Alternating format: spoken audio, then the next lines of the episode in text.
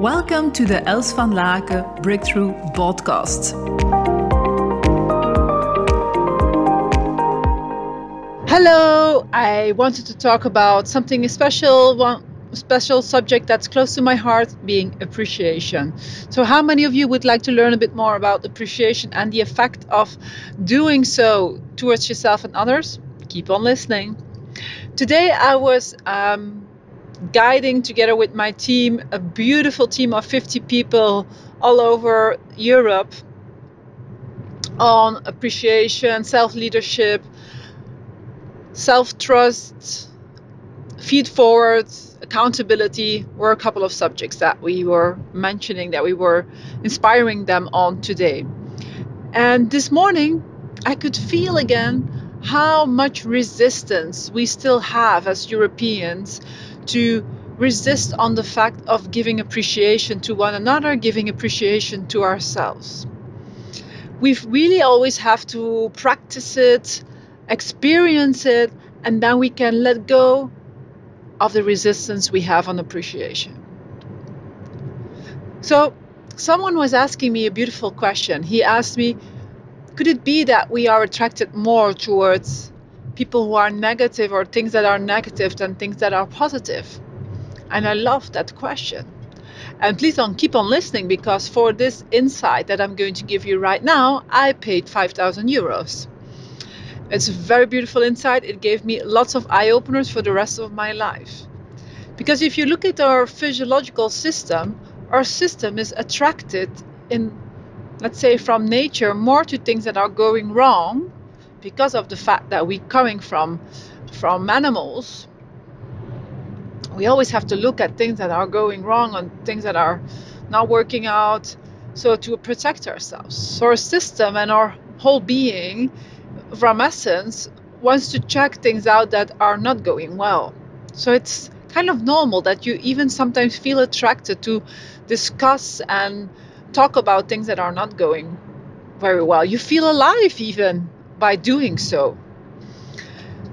And so, yes, it's a real choice, it's a real reprogramming to decide to appreciate yourself, appreciate others, and give also attention to that part.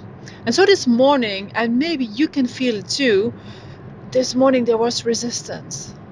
There was resistance on, on going into appreciation. Well, so I call it the matching filter, where you look at the glass half full instead of looking at the glass half empty. And then we had someone saying, Yeah, but I do not want to have the glass the whole time full, but it's too much.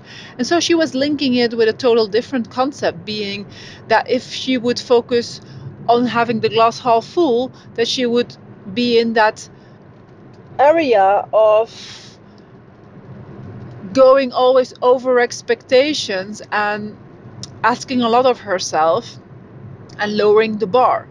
And I said that's exactly what the matching filter and appreciation towards yourself does. Is looking at what is, looking at what is already good instead of the whole time looking at what can be improved.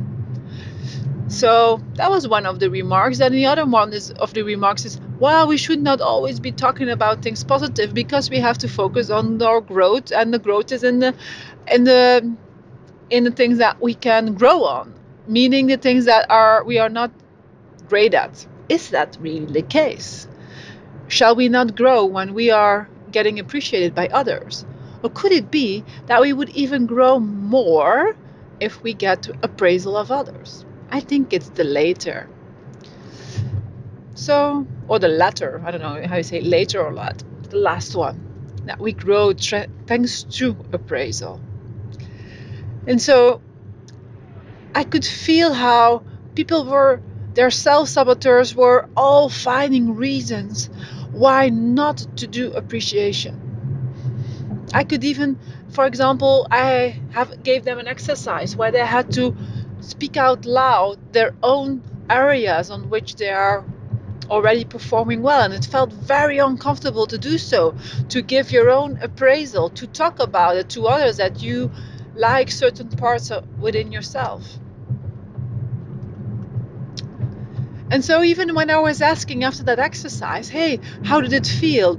How many of you could grow some extra centimeters. There were people nodding their head, saying no or mm, maybe.